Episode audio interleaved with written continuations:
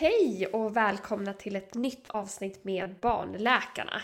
Idag är det jag och Mattias som poddar och det här blir vårt sista avsnitt innan vi tar semester, eller hur Mattias? Ja, det blir det.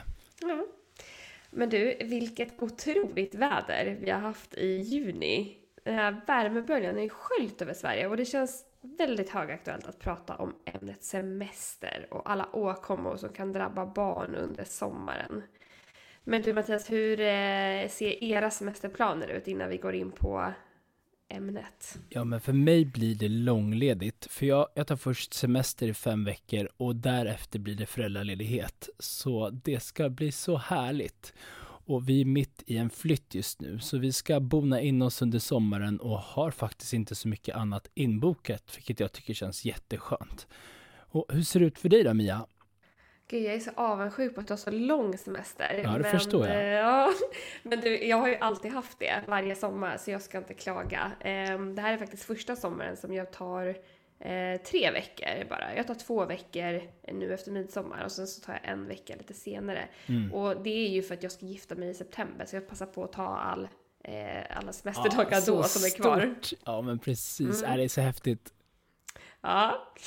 Um, och jag eh, tänker så här, ni kanske inte kommer resa jättemycket nu i sommar i och med att ni ska flytta och sådär. Men ni har ju rest tidigare med er son. Det har vi gjort, yes. Ja. Och då tänker jag att du har lite mer erfarenhet än mig om det här med att resa med barn och eh, vad man ska ta med sig, sitt lilla reseapotek och sådär. Mm. Och vi har ju haft många som har hört av sig till oss och frågat om vi kan ta upp vad man ska tänka på när man åker på semester med barn. Eh, främst då med medicinska eh, åkommor. Och då tänkte jag så här, men vilka saker är vanligast att eh, ett barn drabbas av under semester? Och då tänker jag att solsveda, insektsbett, värmeutslag och åksjuka är sådana tillstånd som är vanliga. Vad ja, säger du? Jag tycker det låter som en bra meny för semester och kommer, så det, det låter som en bra plan och jag tänker absolut att i slutet ska vi få till en liten informationsruta om det här, vad, vad jag brukar ta med i alla fall, eller vad jag brukar rekommendera. Och varmt välkomna till Barnläkarna!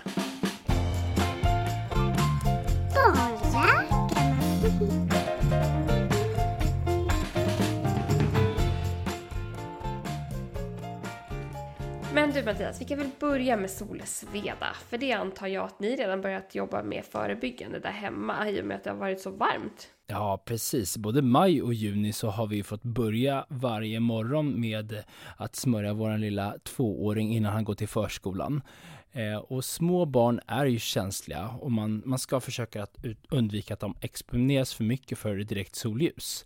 För barns hud är tunnare och har inte lika mycket pigment och samma skydd som eh, äldre barn och vuxna.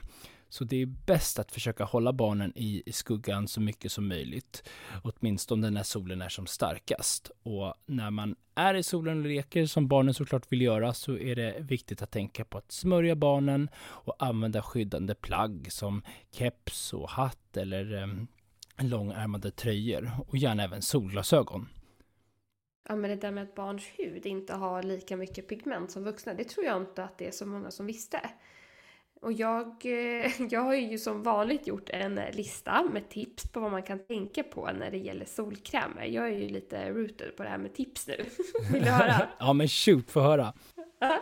Okej, okay, här är mina tips. Tips nummer ett se till att ha en kräm som har skydd mot både UVA-strålar och UVB-strålar. Och det har nästan alla solkrämer idag, så det är inte så jätteofta man måste välja bort en kräm. Och sen så finns det ju både fysikaliska och kemiska solkrämer. Och, och då... här Mia måste jag säga, många vet väl inte vad du pratar om, om fysikaliska och kemiska solkrämer. Så vill, vill du utveckla lite grann? Ja, det ska jag göra. Så här är det. Eh, fysikaliska solkrämer, det är de här klassiska solkrämerna som blir så helt vita på huden och som inte eh, går att smeta ut helt och hållet. Det liksom lägger sig som en hinna på huden. Just det. Och de eh, de tycker jag personligen är eh, bättre på barn i och med att då, då, vet man liksom vart man har smörjt med kräm och vad man har missat och om barnen badar och kommer upp från badet så ser man liksom också vart det finns kvar. Precis, det är som en vit, eh, vitt skydd man ser på huden, så man ser verkligen var det ligger någonstans. Ja, men exakt. Håller du inte, håller du inte med? Du jo, som har jag tycker barn. också det är väldigt tacksamt när man verkligen ja. ser vad man har missat och om det är kvar. Och sen så på mig själv då, då, då föredrar jag de här kemiska. För kemiska solkrämer, det är de som absorberas av huden. Och de är ju sköna när man är vuxen eh, och lägger på till exempel ansiktet så man inte går runt eh, och är helt vit i ansiktet. det är inte så men, snyggt va, på stranden? Nej, jag tycker inte det. Inte, inte på en vuxen kanske, men på barn så spelar det inte jättestor roll. Men det är sådär, ja, det sägs att de ska vara lika bra båda två. Eh, men eh, jag, jag, jag skulle ändå tycka att fysikaliskt vore att föredra i och med att eh, det är lättare att se på barn. Tips nummer två. Titta efter svanen-märkningen, för den anger att produkten inte innehåller hälsofarliga ämnen. Tips nummer tre. Smörj rikligt. Även om man har valt en bra solkräm så tar man ofta för lite. Och att smörja jämnt och rikligt, det är faktiskt den bästa garantin för att krämen ska fungera. Och sen så bör man ju också upprepa insmörjningen efter några timmar. Det får man inte heller glömma. Och där snålar nog många tror jag faktiskt. Jag tror också det. Och det har ju faktiskt visat sig i studier att, man, eh, att det här lagret som man lägger oftast är alldeles för tunt. Tips nummer fyra. Eh, och det, en del solskyddsmedel, de är vattenresistenta, vilket är superbra. Men tänk då ändå på att upprepa ens insmörjningen så att man inte bara förlitar sig på att solskyddet är kvar hela dagen i, medan man badar. Tips nummer fem. Solskyddskräm är en färskvara. Det här visste inte jag förut, men det har jag lärt mig nu. Att nytt solskyddsmedel varje sommar, det är en bra riktlinje. För de flesta har bara en hållbarhet på 12 månader. Så har man öppnat dem, då kan man räkna med att de är utgångna efter ett år. Tips nummer 6. Skydda med kläder. Idag finns det jättebra bad och strandplagg och eh, även såna här badhattar med solskyddsfaktor för barn. Och även eh, vanliga plagg, liksom vanliga t-shirtar och så, de ger också ett bra solskydd på mellan 10 och 30 SPF.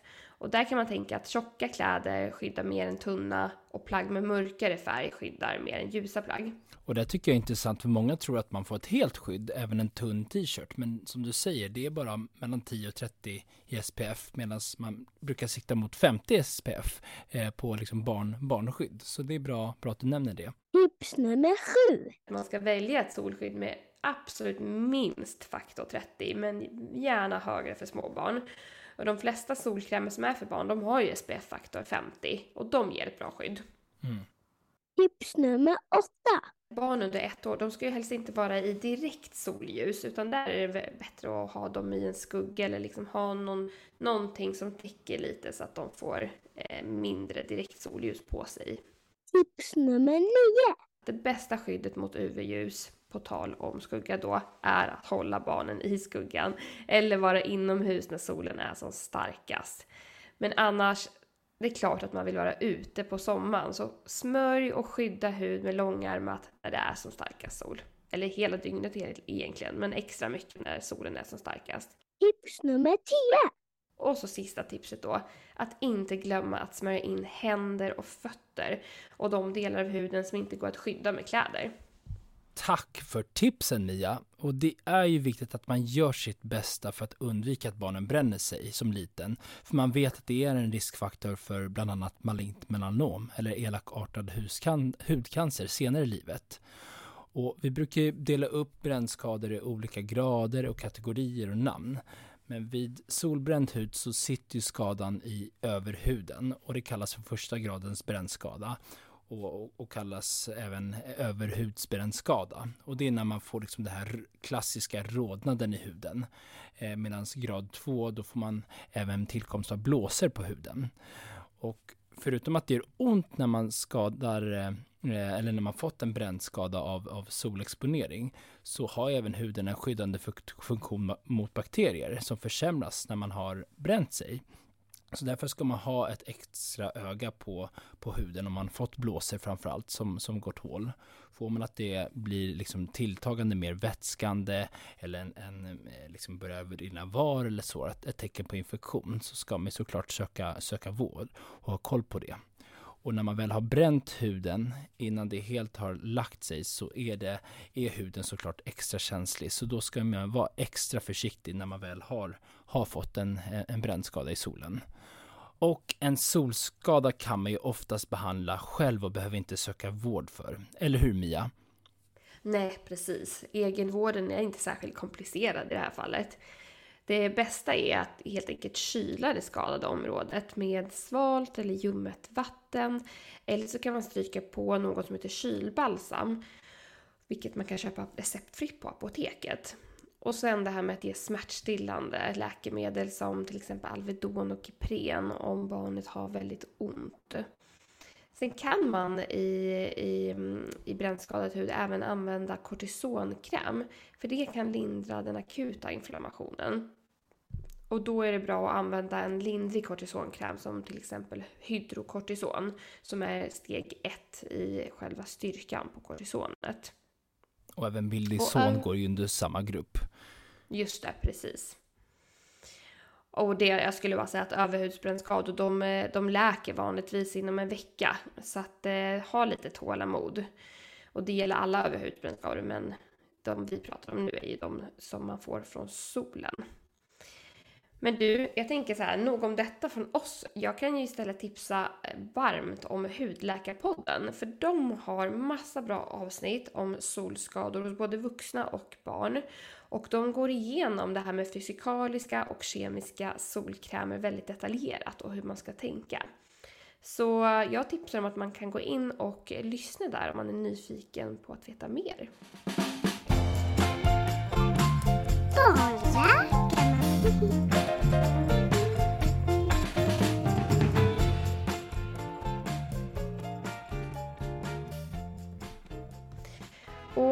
en annan semesteruppkomma som jag direkt börjar tänka på eh, när jag tänker på semester, det är det här med bett under sommarsemestern. Det finns ju flera olika typer av bett. Eh, det finns bett från stora djur som till exempel katt och hundbett. Men sen finns det de här insektsbetten som jag direkt tänker på under sommarhalvåret. Och det här är ju då, de är ju oftast ofarliga och läker själva men de kan ju vara väldigt besvärliga. Vilka, vilka är de vanligaste Mattias? Ja, man kanske kan gissa att det är ju just mygg och knottbett. Och det här är ju en klassisk sommarplåga som, håller, som ger sömnlösa nätter för, för både barn och vuxna. Och just vid mygge, mygg och knottbett så reagerar man ju på ett ämne i myggan eller knottens saliv som de sprutar in när de ska suga blod.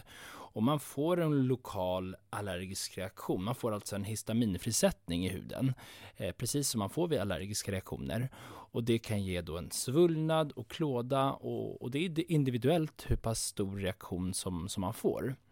Vissa barn och vuxna kan få en flera centimeter stor reaktion efter ett myggbett medan andra får väldigt milda reaktioner. Och för de allra flesta så blir det ju en, en mindre besvärlig klåda som går över av sig själv. Men får man de här stora kraftiga reaktioner och väldigt intensiv klåda så kan man faktiskt behandla med allergiläkemedel, alltså antihistaminer som man kan köpa receptfritt på apoteket. För det har effekt mot den här histaminfrisättningen som man får.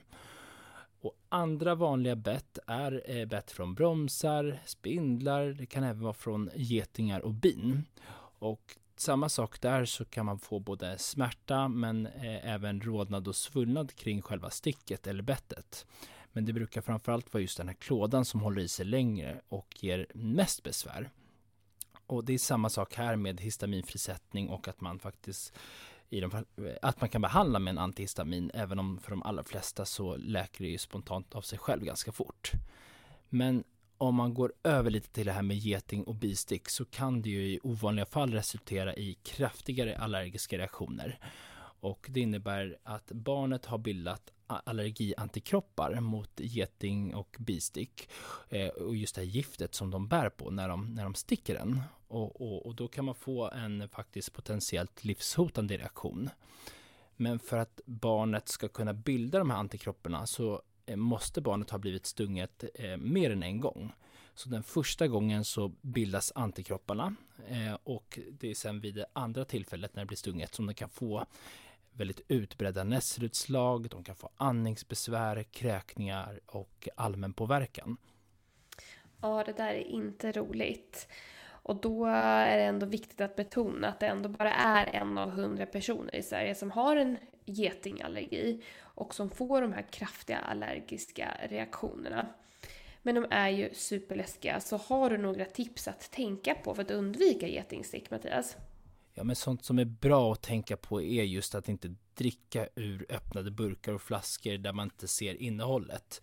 Det typiska är om man öppnar en en, en, en burk och eh, man, man lämnar den oobserverad och så kommer det in en geting om det är något sött innehåll och så dricker man och så får man ett stick i, i munnen där man kan, även om man inte får en kraftig allergisk reaktion, kan få svullnad som påverkad gör att de får svårt att andas. Så det är ett tips att inte dricka ur, ur öppnade burkar som man inte haft koll på. Och, och, är det så att man lämnar en burk kan man lägga någonting ovanför så ingen eh, geting eller något bi kan ta sig in. Och sen även att kött och söt mat drar till sig getingar. Så man får gärna täcka över maten om man äter utomhus. Och när man väl har getingar och bin runt omkring sig så ska man försöka att eh, använda lugna rörelser och inte hålla på och vifta och veva för det utlöser fler stick än, än om man eh, är, är lite lugn och sansad när väl getingarna och bina är runt omkring. Så det är lite allmänna råd som jag brukar ge. Och har man en bekräftad getingallergi så finns det faktiskt idag behandling med sån här äh, hyposensibilisering som vi har pratat om i tidigare avsnitt där man får ähm, regelbundna sprutor under 3 till 5 års tid för att vänja immunförsvaret äh, mot äh, bi och getinggift så att man inte ska få sådana här allergiska reaktioner. Så det, det kan man ta upp på sin vårdcentral eller barnmottagning om man har ett barn med en bekräftad bi och en annan sommarplåga som vi tagit upp i tidigare avsnitt är just kopplade till fästingbett. Eh, där vi pratat om TBE och borrelia. Så har ni inte lyssnat på de avsnitten så rekommenderar jag att nu i fästingtider att ni lyssnar på det här avsnittet och ser till att ni vaccinerar barn från ett års ålder och vuxna mot TBE. Ja, det är superviktigt och vi kan ju inte nog betona det. Men du, om man nu skulle få ett, eh, ett bett från en insekt, när tycker du att man som förälder då ska söka vård för barn, eller med barnet? Just när det kommer till eh, både myggbett och eh, knottbett så behöver man ju väldigt sällan söka någon vård. Eh, men, men tecken som man ska ha lite koll på som kan föranleda att man behöver söka vård är just om man, man får en infektion i området där man fått ett bett. Och det typiska är att barnet har kliat upp en ordentlig sårskorpa och att då bakterier kan leta sig in. Och man får en tilltagande svullnad och rodnad om, omkring det här bettet. Och även att det är värmeökat och kan komma var, illaluktande var från såret. Så då borde man boka en tid på vårdcentral eller nära, nära akuten. Och samma sak om man fått ett ehm, um, har man druckit ur en, en, en, burk innehållande kola eller någonting och fått ett, ett stick i, i munnen och är osäker på um, liksom svullnad om barnet har svårt att andas ska man absolut söka akut också. Eh, och, och, även om man fått ett bett och, och barnet liksom verkar må dåligt och har feber utan andra, eh, annan förklaring så ska man också kolla upp det. Och självklart får man en sån här kraftigare allergisk reaktion efter man blivit stungen av en geting eller ett bi. Då det, och, barnet får eh, svårt att andas, de blir medvetande på verkan eller får så här generell nässelutslag över stora delar av kroppen så ska man ju eh, larma 112 och komma in akut så snabbt som möjligt. För då, då behöver man få eh, adrenalin så snabbt som, som möjligt. Och det sista bett som när det kommer till liksom större djur, när vi pratar om hundar och katter, ehm, eh, och, och, ett barn har fått ett bett och man inte har följt det svenska vaccinationsprogrammet och alltså inte har ett skydd mot stelkramp så ska man också söka eh, akut för att få vaccination mot detta. Ja men precis. Och vad gäller behandling så går insektsbett ofta över av sig själva. Men om det kliar mycket så kan man badda med en isbit eller behandla med eh, Alzorsprit eller kylbenson som jag nämnde tidigare. Och de finns, eh, eller både Alzorsprit och kylbenson finns receptfritt på apoteket. Och sen så kan man ju även som eh, du nämnde tidigare Mattias behandla med receptfri antihistamin i rätt dos för ålder. Och sen så kan man också använda en sån där mild kortisonsalva som till exempel Mildison eller hydrokortison som vi nämnde tidigare.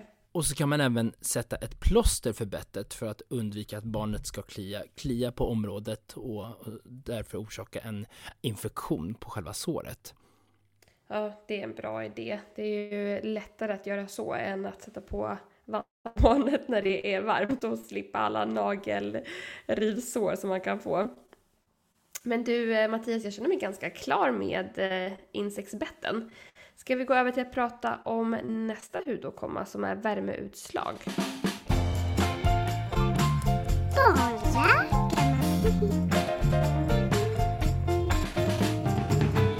Ja, det här är ju jättevanligt och något som många föräldrar har fått se på sina barn. Och det är alltså röda prickar eller fläckvisa röda utslag som uppstår på kroppen när den blivit eh, för varm och fuktig. Och det uppstår framförallt hos bebisar och små barn och det beror på att deras svettkörtlar som de har, där själva svetten kommer ut, blockeras och inte släpps ut genom huden. Och då får man liksom en ansamling av, av svett under huden och ger de här klassiska utslagen. Och det är ofarligt och eh, det, det, det läker av sig själv. Eh, och det man kan göra för att undvika att barnen sen ska få utslagen är ju att undvika att, att de blir för varma helt enkelt. Och hur vet man då om det är just ett värmeutslag som ens barn har fått? Jo, utslagen de ser ut som ljusröda prickar med en gulaktig topp. Eller så kan det vara större röda flammiga partier. Och vanligast är att de här utslagen uppstår runt halsen, nacken, även ner på bröst och rygg. Eh, på överarmar kan de komma, men de kan uppstå överallt. Eh, till exempel under en eh, fuktig blöja. Och bebisar de kan ju få värmeutslag även i ansiktet, lite ovanligare på större barn. Och de här utslagen de kan vara lite svårare att se på mörkare hy, men då kan man känna på dem med fingrarna. För då kan man känna att huden är lite sådär hård och skrovlig över utslagen. Och precis som jag sa tidigare så går de oftast över efter något dygn. Eh, och just för när barnet är liksom överhettat så kan man tänka på att barnet får eh, duscha lite svalt vatten eh, och att de får ha luftiga torra kläder och även att barnet får i sig tillräckligt med vätska. Precis. Eh, men du Mattias, eh, visste du att det fanns flera typer av värmeutslag? Nej, det hade jag faktiskt inte koll på. Nej. Vet du vad det vanligaste värmeutslaget heter? Nej, nu får du berätta. Ja, jag visste inte heller det kan jag skvallra om. Men eh, nu vet jag att det heter Miliaria crystallina. Oj, oj, oj, så fint. Ja, verkligen. Ja, väldigt fint. Men du, när ska man söka vård för värmeutslag då? Eller behöver man göra det? Nej, det är väldigt sällan som man behöver söka utslag eller söka vård för värmeutslag. Eh, men är det så att det, det pågår i mer än 3 till 4 dagar och någonting som blir värre och värre, så man tänker att det är någonting annat än värmeutslag, då kan man behöva kolla upp det. Eller självklart om barnet är allmänpåverkat, trött och inte liksom kissat, att man tänker att det är uttorkat, det är en annan anledning till, som gör att man behöver söka vård. Eh, och även om, om barnet liksom har, har feber och, och, och frossa i samband eh, eh, med, med, med utslagen ska man också kolla upp det om de inte har någon annan bra förklaring till febern.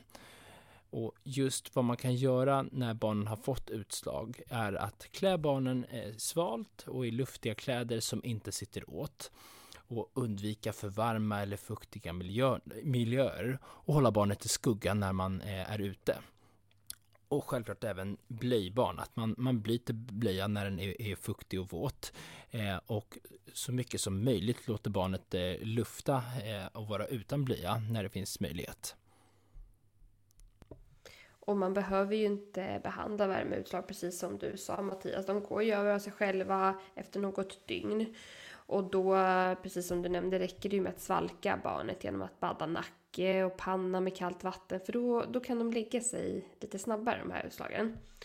Och sen är det ju ovanligt, men det kan hända att det utvecklas små blåsor. Och skulle det ske och det kliar, då kan man använda eh, hydrokortison även här för att lindra den här klådan. Ehm, och det var, tror jag, de tipsen vi hade på värmeutslag. Eller har du något annat att säga där, Mattias? Nej, där tycker jag vi fick med det viktigaste.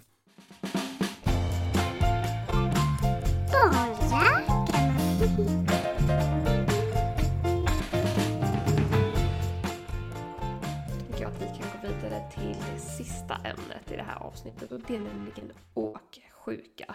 Något som jag eh, hade väldigt mycket besvär med när jag var liten minns jag. Hade du det? Nej, jag har klarat mig tack och lov, men min fru har tyvärr eh, mycket besvär med åksjuka. Eh, men det är bättre idag såklart, men värre när jag var ung okay, Jag kan fortfarande inte titta ner. Jag kan liksom inte äh, jobba med eh, dator eller läsa bok när jag åker framförallt snabbtåg. Nej, alltså det, och det är verkligen eh, ett handikapp och framförallt för småbarnsföräldrar som ska åka långt när de, när de liksom blir väldigt begränsade i hur pass långt de kan åka utan att barnet blir alltför dåligt. Ja men exakt. Och det är ju också så, det är så vanligt med barn eh, som har åksjuka. Och det här med att resa, det hör ju semestern till så det blir väldigt krångligt.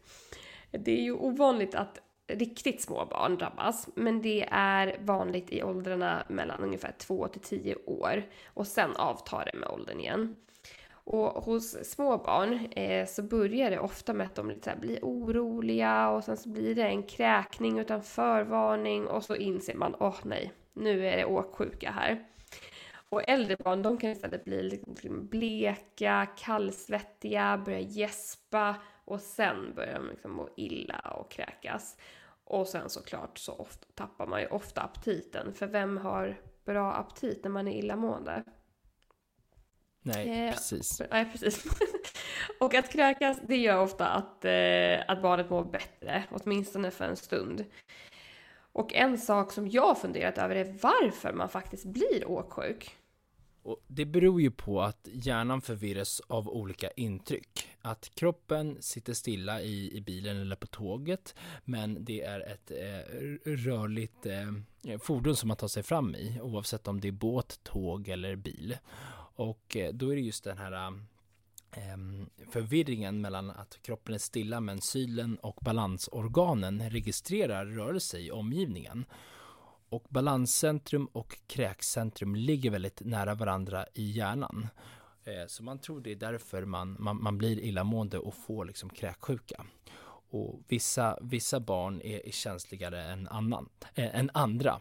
Och Mia, visste du att åksjuka till viss grad även är ärftligt? Nej, det visste jag faktiskt inte. Nej, så där har man något att skylla på så kanske det är ändå lite ens föräldrar, att det finns i, i generna. Ja, faktiskt. Men har du några sedvanliga tips när det kommer till att lindra åksjuka hos barn då? Ja, men surprise, surprise. Jag har en ny lista även för detta. Jag kunde tro det va? Ja. Tips nummer ett. Det första tipset är väl ett sedvanligt tips som många kanske redan tänker på och det är att ta många pauser under resan för att få frisk luft. Tips nummer två. Och sen att köra med öppet fönster så att barnet får in frisk luft i bilen. Och det är ju lättare när man åker långsamt, lite svårare när man åker på en motorväg kanske. Tips nummer tre. Men sen så ska man undvika att äta stora mål innan resan. Men gärna äta flera små mål under resans gång. Och då är det bra att ha med sig någon lite, snacks i bilen. Tips nummer fyra. Och om ni åker buss, sitt längst fram i bussen. För då blir man mindre åksjuk. Tips nummer fem. Åker man snabbtåg, då ska man däremot sitta nära mittgången. För då har man mindre krängningar. Och då känns det mycket mindre om man blir mindre åksjuk. Tips nummer sex. Åker man båt, då är det också bra att sitta i mitten av båten. Eller allra helst sitta utomhus i den friska luften om det är varmt. Tips nummer sju. Och sen är det bra att låta äldre barn eh, som inte behöver sitta i en bilbarnstol åt andra hållet, att låta dem sitta framåtvända i bilen om det är säkert. För då blir man också mindre åksjuk. Tips nummer åtta. Och sen är ett bra tips att lyssna på sagor eller musik och leka billekar för att distrahera eh, barnet och undvika att de istället tittar neråt och läser eller pysslar med huvudet vänt mot knäna. Tips nummer nio. Och sen var redo med kräkpåse och våtservetter om barnet skulle kräkas i bilen. Och kom ihåg att det inte alltid är säkert att stanna på stora vägar, så det kan vara bra att ha med sig massa grejer så att man kan ta hand om det i farten. Tips nummer 10. Och så sista, ha alltid med ombyteskläder om olyckan skulle vara framme. Och det är ju så att när symptom på åksjuka väl har kommit så är det svårt att behandla. Så därför är det ju så viktigt med de här förebyggande råden som du precis nämnde. Och de ska vi såklart även lägga upp på vår Instagram. Men sen finns det även läkemedel som kan ges från två års ålder. Och de här läkemedlen har en lätt sederande effekt som ges förebyggande en till två timmar inför resan. Och det finns både receptfria och receptbelagda läkemedel som kan ges i olika åldrar. Och har man ett barn som besväras mycket av åksjuka så skulle jag boka en tid via vårdcentral för att ta upp det här och se vilka läkemedel som, som kan förskrivas för ditt barn. Och sen finns det även sådana här åksjukeband som trycker på särskilda akupressurpunkter på handleden. Och då säger jag eventuellt kan förhindra besvär. Jag har inte sett någon tydlig evidens för att de här banden ska fungera, men de är ofarliga och eh, jag har ändå träffat en del patienter som tycker att de fungerar, så det, det är ändå värt att, att prova.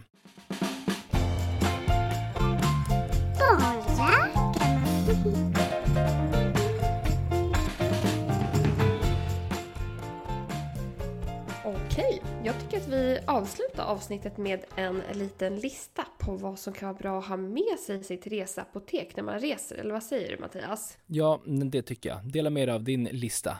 Ja, nu har ju inte jag något barn, men jag har plockat ihop en lista här eh, på vad jag tycker kan vara bra att ta med sig.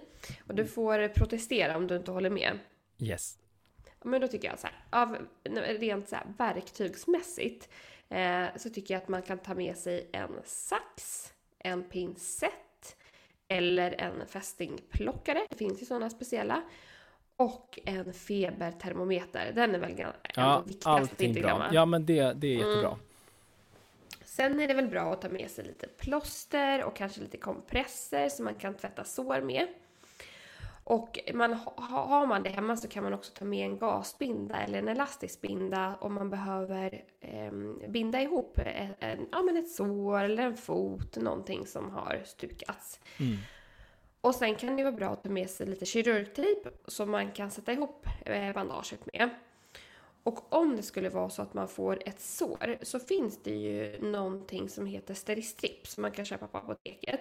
Och det är som smala tejpremsor som man kan tejpa ihop sår med. Det kan man kolla på Youtube eh, hur man faktiskt eh, tejpar ihop de här.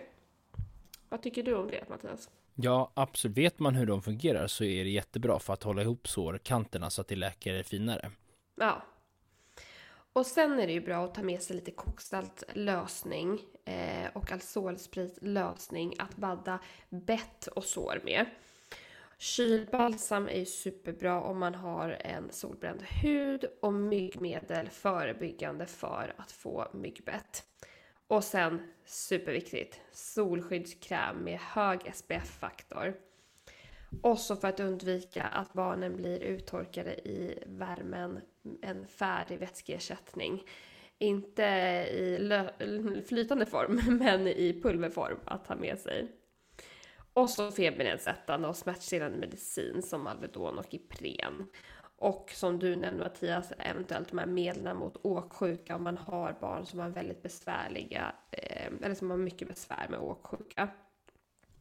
Och sen kan det vara bra att ta med sig en sån här hydrokortisonsalva som man kan smörja kliande bett eh, med eller solbränd hud. Och så näsdroppar om man skulle bli lite förkyld. Det tycker jag var en jättebra lista Mia. Jag, ja. jag har nog med allt det där eh, på i alla fall längre resor vi gör eller om vi åker ja. ut till, till landet. Och ett annat tips som jag tycker kan vara bra att ta upp är, har man ett barn med någon kronisk sjukdom, till exempel eh, att de har diabetes, har insulin eller astmaläkemedel, så är det bra att tänka på att man tar med sig mediciner så att det räcker för några dagar till. För är det så att man har ett inställt flyg eller det blir någon annan försening så är det viktigt att man har mediciner med lite marginal. Och se till att man har medicinerna i handbagagen ifall ditt incheckade bagage skulle tappas bort. Ja men bra, superviktiga tips. Jaha, men då var det allt för oss denna vecka. Ehm, och detta blir ju vårt sista avsnitt eh, inför sommaren, för nu går vi på semester. Så följ oss på Barnläkarna på Instagram och skriv gärna om det är något som just du vill att vi tar upp i podden. Annars så tänker jag att vi ses på Instagram. Vi kommer lägga upp eh, inlägg där under sommaren, även om inte vi släpper några avsnitt. Eller hur? Ja, absolut. Ja men bra. Men trevlig sommar på er alla och hoppas att alla som kan få en fantastisk ledighet. Hej då! Hej då!